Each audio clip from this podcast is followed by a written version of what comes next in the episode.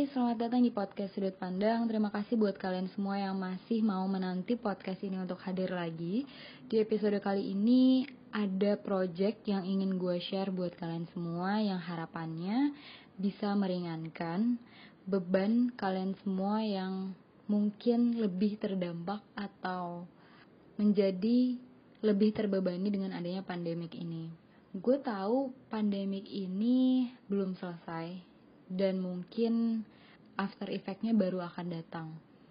Dan gue yakin ada beberapa dari kita semua yang merasakan atau mengalami masalah lebih dalam, lebih berat, dan mungkin kebingungan. Gue gak bisa membantu banyak, cuman gue mencoba mencari cara uh, untuk bisa membantu atau meringankan.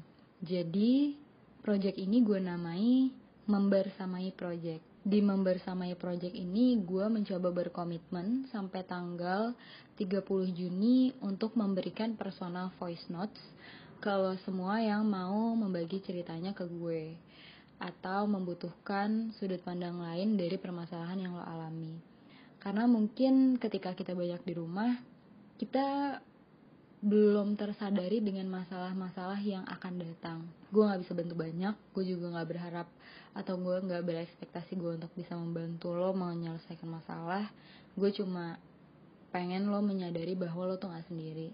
Nah, jadi buat lo semua yang merasa butuh untuk dibersamai atau mau cerita dengan segala permasalahan yang ada, mungkin lo terdampak dari pandemi ini atau masalah lo semakin buruk dengan adanya pandemi ini, lo bisa banget klik di bit.ly slash membersamai semuanya kecil dan di situ ada form yang mesti lo isi. Basically itu adalah form di mana lo bisa cerita ke gue. Pokoknya uh, lo bisa baca di sana dan ada beberapa hal yang butuh gue ketahui. Jadi ada beberapa pertanyaan yang perlu lo jawab. Tujuannya adalah biar gue bisa lebih memahami kondisi dan situasi lo sekarang kayak gimana. Nah, uh, setelah lo submit, mungkin uh, beberapa hari atau semingguan gitu gue akan ngasih voice notes ke email lo. Jadi gue akan langsung ngirim voice voice notes ke email lo. Jadi voice notes ini personal pandangan gue terhadap permasalahan lo.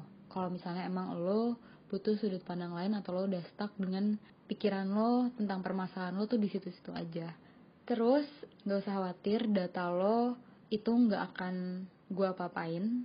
Mas gue cuman ya cuman dipakai buat membuat si personal voice notes itu dan gak akan gue share ke siapa pun. Jadi ya insya Allah aman. Dan terima kasih buat semua yang kalau misalnya mau mengirim atau sudah mau mempercayai gue lewat project ini. Gitu. Sebenernya gue cuma mau informasi itu aja. Gini sih selama lo ada di rumah selama gue ya selama gue ada di rumah yang gue notice adalah um, mungkin banget ya. Dengan adanya kondisi ini ini tuh kayak semacam training kita untuk menjadi manusia yang lebih modern 3 sampai 5 tahun ke depan gitu. Jadi kayak kayak trial aja gitu. Kayak dari dulu kita tuh selalu bilang kalau ya teknologi semuanya nanti akan tergantikan teknologi bukan tergantikan atau kayak semuanya akan dipermudah dengan adanya teknologi. Dan sekarang tuh kayak trialnya seluruh dunia untuk dipaksa rely on teknologi gitu. Jadi siap nggak siap ya dicoba aja dulu gitu. Menurut gue sih ya. Dan um, ya mulai dari pendidikan mulai dari bisnis mulai dari semuanya dan terbukti ya mungkin ada negara-negara yang udah siap dengan itu semua. Mungkin ada daerah-daerah yang memang udah mulai um, rely on teknologi itu dari lama. Kayak atau atau perusahaan-perusahaan yang udah rely on teknologi itu udah lama dan mereka udah cukup siap gitu sistemnya dengan uh, kondisi semua serba harus bergantung sama teknologi. Kayak te Twitter. Twitter tuh udah uh, merelakan merelakan atau me menganjurkan atau memperbolehkan nah itu maksudnya memperbolehkan ke depannya si karyawan-karyawan Twitter itu boleh kerja dari rumah. Karyawan Google itu bahkan setahu gue ya, setahu gue itu kebanyakan dari mereka di rumah bekerja dari rumah itu sampai awal tahun depan. Itu kan cukup lama ya. Untuk perusahaan sebesar Google, ya emang sih mereka perusahaan teknologi dan mereka tuh udah cukup siap gitu dengan semua kondisi yang ada sekarang. Cuman yang gue nggak tahu adalah apakah orang-orang yang udah siap secara teknologi ya, secara teknologi, secara kemampuan dengan menyandarkan segalanya pada teknologi itu, apakah orang-orangnya tuh mentally ready juga gitu? Kayak apakah lo siap dengan tidak bertemu dengan orang lain secara langsung? Mas gue oke okay, teknologi kita bisa konkol, kita bisa um, video call kita bisa um, ya semuanya masih bisa gitu dihadapi dengan layar laptop atau handphone. Tapi apakah itu cukup gitu sebagai kita manusia sosial atau makhluk sosial itu afeksi yang ditimbulkan dari teknologi itu tidak cukup buat gue. Untungnya gue ada di rumah even gue cuma sama nyokap gue tapi gue masih punya teman untuk berbicara masih bisa bercanda masih bisa ada hal-hal spontan yang terjadi dan membuat tertawa.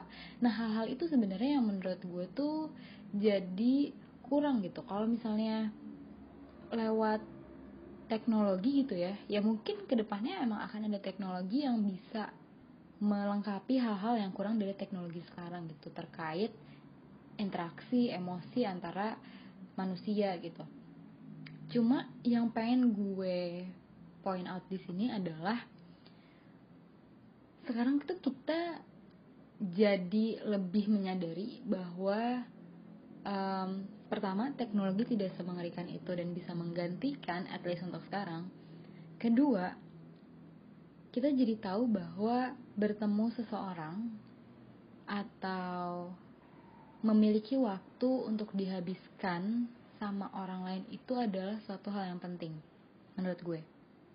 Even lo introvert, extrovert, menurut gue tetap aja lo butuh untuk berinteraksi sama orang secara langsung. Karena setahu gue, ini gue udah agak-agak lupa gitu deh. Dulu gue tuh pernah belajar kalau ada satu sel, apa ya namanya, mirror cell, apa ya kalau gue salah. Pokoknya ada satu sel di diri kita yang uh, membantu kita memahami orang lain dengan cara ketika kita ketemu orang lain ada emosi yang bisa ditularkan lewat micro expression apa ya kalau nggak salah.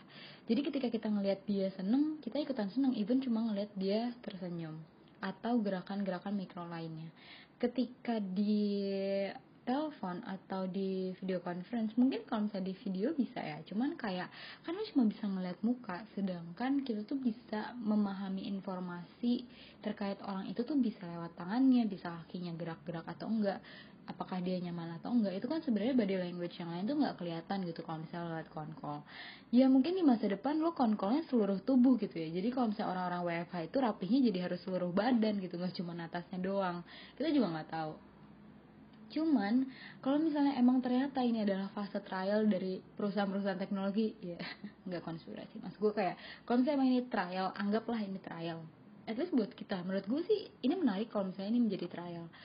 Kayak buat gue sendiri, gue jadi bisa um, menilai menilai sisi positif dari teknologi dan kekurangan dari teknologi terkait humanity.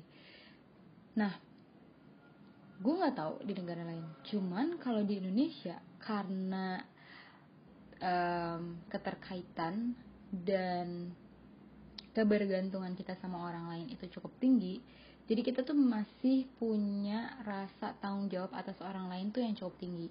Terbukti dengan adanya budaya hampers di Indonesia. Gue nggak tahu ya di negara lain tuh uh, apakah ada budaya-budaya yang berkaitan antara satu dan orang lain yang tinggi kayak di Indonesia. Kayak kayaknya ya, kalaupun nggak lebaran atau kalaupun nggak masa-masa puasa, itu kayak budaya memberi itu akan tetap tinggi gitu di, di kondisi kayak gini. Maksud gue adalah orang-orang Indonesia itu akan lebih bertahan dari segi dari segi kesepian gitu karena kita da, secara otomatis itu merasa punya tanggung jawab untuk memberi. Dan ketika lo memberi itu tuh sama aja lo feeding yourself gitu. Nah even sebelum zaman hampers itu tuh udah banyak zaman atau sebelum sebelum bulan puasa itu ada bulan-bulan awal kita WFH atau awal kita karantin itu orang-orang semuanya rajin banget ngasih ojol ngasih orang-orang yang terdampak corona atau paling enggak berusaha untuk membantu orang lain dan berusaha untuk melakukannya face to face. Nah, maksud gue kayak apa ya? Teknologi ini tuh menyadarkan kita bahwa orang Indonesia tuh baik-baik loh. Teknologi apa kondisi ini tuh menyadarkan kita bahwa um, mungkin secara mental orang Indonesia tuh belum siap untuk tidak bertemu dengan orang lain lebih sedikit dibandingkan maksudnya ini frekuensi ketemu orang lewat online dibandingkan frekuensi ketemu orang lewat offline itu orang Indonesia lebih siap atau belum siap menghadapi kondisi di mana kita harus segalanya serba online atau segalanya serba virtual. Dan apa ya kondisi ini tuh menurut gue membuka peluang buat lo semua atau buat perusahaan-perusahaan teknologi untuk mencari uh, celah mana yang harus diperbaiki dari teknologi gitu. Kan jadi ketahuan gitu kalau misalnya sekarang lo pendidikan lo kayak dosen gue tuh yang bilang kayak beberapa tahun lagi kita tuh nggak akan ada dosen kayak semuanya tuh online jadi nggak akan ada sesi kelas kayak gini dan segala macem. Tapi nyatanya sekarang kalau misalnya kita kita kan masih nggak tahu ya caranya kayak gimana. Nah sekarang nyatanya kalau misalnya kita dipaksa trial gitu dengan segala serba online satu universitas bahkan semua universitas di dunia itu ternyata iya nggak semuanya siap dengan apa ya. Ternyata masih banyak banget di seluruh dunia tuh murid-murid yang pakai um, fake photos. Jadi kayak dia pakai foto di depan webcamnya terus habis itu ya dianggap hadir dan dianggap mengikuti pelajaran dan segala macamnya. Menurut gue ini akan lebih sulit ketika uh, atau buat orang-orang yang masuk kuliah tanpa um, purpose gitu, tanpa tahu tujuannya itu apa. Tapi kondisi kayak gini untuk anak-anak uh, atau orang-orang yang udah tahu dia tuh mau apa, menurut gue tuh peluangnya jadi besar gitu karena karena di kondisi kayak gini lo tuh jadi punya waktu tuh 24 jam. Lo nggak usah menghabiskan waktu 4 jam bolak-balik di kantor di perjalanan tua di jalan gitu. Lo punya 4 waktu lebih untuk develop yourself gitu. Entah untuk um, ikut online course entah untuk masak entah untuk gardening untuk doing your creativity entah bikin apa-apa aja tuh kayaknya jadi lebih menyenangkan. Karena Eh, menurut gue ya orang-orang yang tahu purpose-nya apa itu pasti tingkat stresnya tuh nggak setinggi orang-orang yang nggak tahu purpose-nya apa di kondisi kayak gini. Soalnya kalau misalnya lo nggak tahu purpose lo apa dikasih waktu 24 jam kosong karena lo nggak mesti harus kerja karena lo nggak mesti harus di jalan karena lo nggak punya tanggung jawab banyak lo tuh jadi bingung. Awalnya mungkin lo menikmati kayak ya asik gue bisa binging Netflix gue bisa binging YouTube gue bisa nonton uh, atau gue bisa baca buku banyak buku novel dan segala macem bisa tidur lama. Tapi lo bakal sampai di poin di mana lo ngerasa anjir masa hidup gue gini doang. Kayak gila gue udah gak betah tidur doang. Gue udah gak betah nonton Netflix doang. Gue udah gak betah cuma menatap laptop. Gue gak betah cuma guling-gulingan. Karena lo nggak tahu purpose-nya. Dan sampai di mana lo stres dengan diri lo sendiri yang lo pun tahu punya 24 jam tapi lo tahu 24 jam lo tuh akan habis dan tidak berbuah apa-apa gitu. Karena kalau misalnya kita nggak kayak gini atau kita nggak di situasi kayak gini kita tuh nggak punya kontrol lebih atas waktu yang kita miliki. Kayak kalau kita masih di sistem ya kita tahu jam segini sampai jam segini berangkat. Entah kerja entah kantor. Terus habis itu jam segini sampai jam segini lo di kantor atau di sekolah atau di univ lo belajar. Terus habis itu jam segini sampai jam segini lo ada rapat lo ada ngerjain tugas lo ada ya udah udah ada sistemnya lah. Ada hal-hal yang emang harus dituju. Karena lo dituntut untuk mengerjakan sebuah goal dari sebuah sistem. Entah sistem sekolah entah sistem perusahaan gitu. Dan ya emang dengan adanya sistem itu lo dipaksa untuk menghasilkan sesuatu. Tapi kalau misalnya di, di sistem yang seperti ini yang sekarang 24 jam lo tuh jadi nggak tahu banyak banget gitu kayaknya. Kan harusnya gitu ya kalau misalnya buat orang-orang yang produktif kayaknya banyak banget yang jadi bisa dikerjain karena lo punya andil besar dalam mengambil atau membagi-bagi waktu lo 24 jam ini. Tapi kalau lo nggak tahu purpose lo itu kayaknya akan lebih susah gitu. Kayak lo mau A lo mau ngambil online course A nih misalnya. Tapi nggak ada goals yang jelas lo pasti akan sampai di titik ah ngapain sih gue ngerjain online course ini? Udah capek gue kayak gitu. Atau kayak kalaupun lo kuliah kayak kalau misalnya lo nggak tahu purpose-nya kayak ya udah mending gue tidur aja gitu. Tapi kalaupun lo kuliah dan lo nggak tahu purpose lo kuliah buat apa tapi lo punya purpose di luar kuliah lo kayak misalnya ah gue pengen nanti gue tuh punya kebun kangkung gitu misalnya. Jadi walaupun lo nggak ikut si online course tapi lo bisa menggunakan waktu lo untuk menanam kangkung gitu misalnya.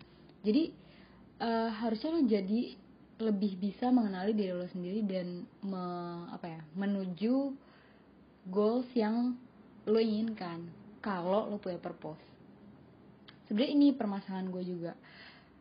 Kita tuh selalu pokoknya banyak buku self help banyak video motivasi banyak podcast motivasi yang mungkin podcast gue juga itu yang selalu menekan kayak ya lo kalau punya purpose akan gampang gitu. Lo pertama harus punya purpose dulu. Tapi kayaknya sedikit atau gue nggak nggak tahu aja kali ya. Buku-buku atau uh, podcast-podcast yang gue dengar atau video-video yang gue dengar yang mengajarkan atau memberikan secara eksplisit cara menemukan purpose lo gitu. Karena rata-rata kalau menurut gue ya itu kali ya. Karena si orang-orang ini si pembuat buku si, eh, penulis buku si pembuat video si podcaster itu tuh nggak tahu kondisi situasi lo tuh apa terus hal apa yang ngedrive lo apakah drive lo tuh dari dalam diri lo atau dari luar atau hal-hal apa yang memotivasi lo. Jadi semuanya tuh akan berbeda gitu untuk setiap orang. Nah gue juga sampai sekarang nggak tahu gimana caranya gue bisa memotivasi orang untuk punya purpose karena itu tuh harus lo cari dari diri lo sendiri. Lo nggak bakal bisa menyerahkan diri lo ke sistem untuk menemukan purpose lo. Kecuali lo sendiri yang membuat sistem di diri lo sendiri untuk menemukan purpose lo apa. Maksudnya gini lo tuh harus menganalisa diri lo lebih dalam. Jangan lo tuh memberikan diri lo ke orang lain untuk menganalisa dan biar membiarkan mereka menentukan goals buat lo.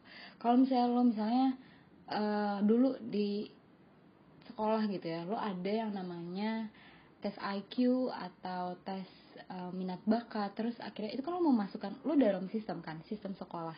Terus di dalam sistem sekolah ini lo memasukkan diri lo untuk diakses untuk dianalisis lebih dalam dan mereka menentukan goals lo apa. Nanti dari hasil asesmen itu ketahuan oh minat lo tuh di misalnya kesehatan lo cocok jadi dokter atau misalnya lo cocok jadi A lo cocok jadi B. Sebenarnya ya uh, kalau misalnya lo memang include dalam sistem itu atau lo turut terlibat dalam sistem itu dan lo tahu diri lo sendiri hal itu harusnya emang bisa match sama uh, kemampuan diri lo sendiri. Tapi kalau misalnya lo hanya men, men, apa ya memberikan diri lo secara utuh ke sistem itu dan lo ngisi itu semua terus lo cuma ngikutin tanpa lo benar-benar bertanya ke diri lo sendiri gue rasa di tengah jalan lo tuh akan bertanya apa iya ini yang benar gue inginkan terus kalau udah di udah di titik itu dan udah terlanjur jauh kayak ya udahlah gue udah kejebur. Ya udah lanjutin aja. Tapi kalau misalnya lo emang masih punya keyakinan kalau misalnya lo punya sesuatu yang ingin lo capai masih masih punya masih punya keyakinan kalau lo tuh punya purpose sendiri lo tetap masih bisa muter balik gitu atau lo masih bisa menganalisis diri lo sendiri. Jadi kalau di gue sarannya lebih ke coba lo analisis diri lo sendiri purpose lo apa analisis tuh butuh waktu yang panjang dan itu tidak akan pernah selesai. Dan itu masih bisa banget shifting setiap lo mempelajari hal baru. Jadi jangan capek untuk menganalisis diri lo sendiri. Jangan terlalu banyak buang waktu lo untuk menganalisis atau uh, ngegosipin orang lain gitu. Ya nggak apa-apa gitu sebentar-sebentar mah tapi usahakan dominansi waktunya itu ada untuk menganalisa diri lo sendiri. Jadi lo bisa improve sedikit-sedikit terus ketika di mumpung nih menurut gue ya mumpung kalau misalnya yang kena PSBB itu masih sampai tanggal 4 gitu ya atau lo mungkin masih satu bulan lagi ada di rumah itu lo masih punya banyak waktu untuk uh, menganalisis atau punya banyak iya untuk punya banyak waktu menganalisis diri lo sendiri tuh sebenarnya siapa pengennya apa dan segala macamnya. Karena kalau emang ini adalah trial ketika teknologi itu udah bisa membenahi segala kekurangannya sekarang ketika teknologi sudah bisa mencapai performanya yang terbaik untuk kita, untuk manusia modern di ke depannya, itu kita jadi udah siap secara mental.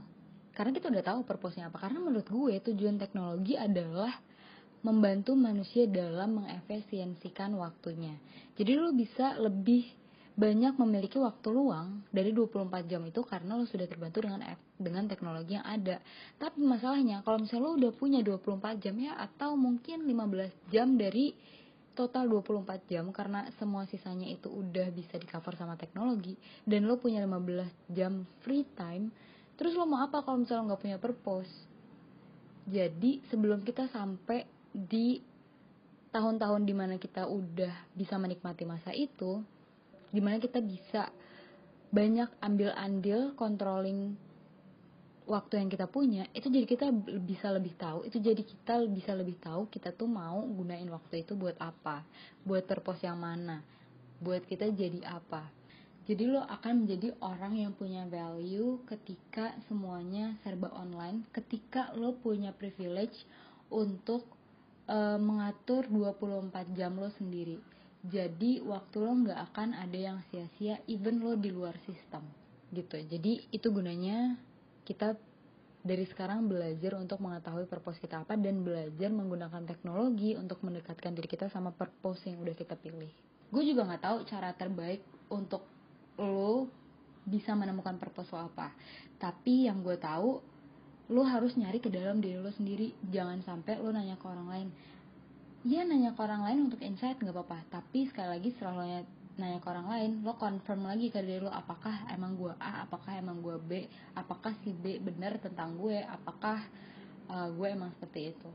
Gitu. Uh, mungkin itu aja dari gue. Terima kasih buat kalian semua yang masih uh, support gue yang masih uh, terus menanyakan podcast ini kapan hadir lagi. Dan sekali lagi buat lo semua yang merasa membutuhkan support system membutuhkan atau butuh dibersamai lo bisa banget coba klik di bit.ly slash membersamai dan isi form di sana. Dan tunggu voice notes dari gue. Jangan lupa untuk tetap lihat dari sudut pandang lain karena siapa tahu sudut pandang lain itu yang bisa membuat lo lebih dekat ke purpose lo tuh apa. Bye.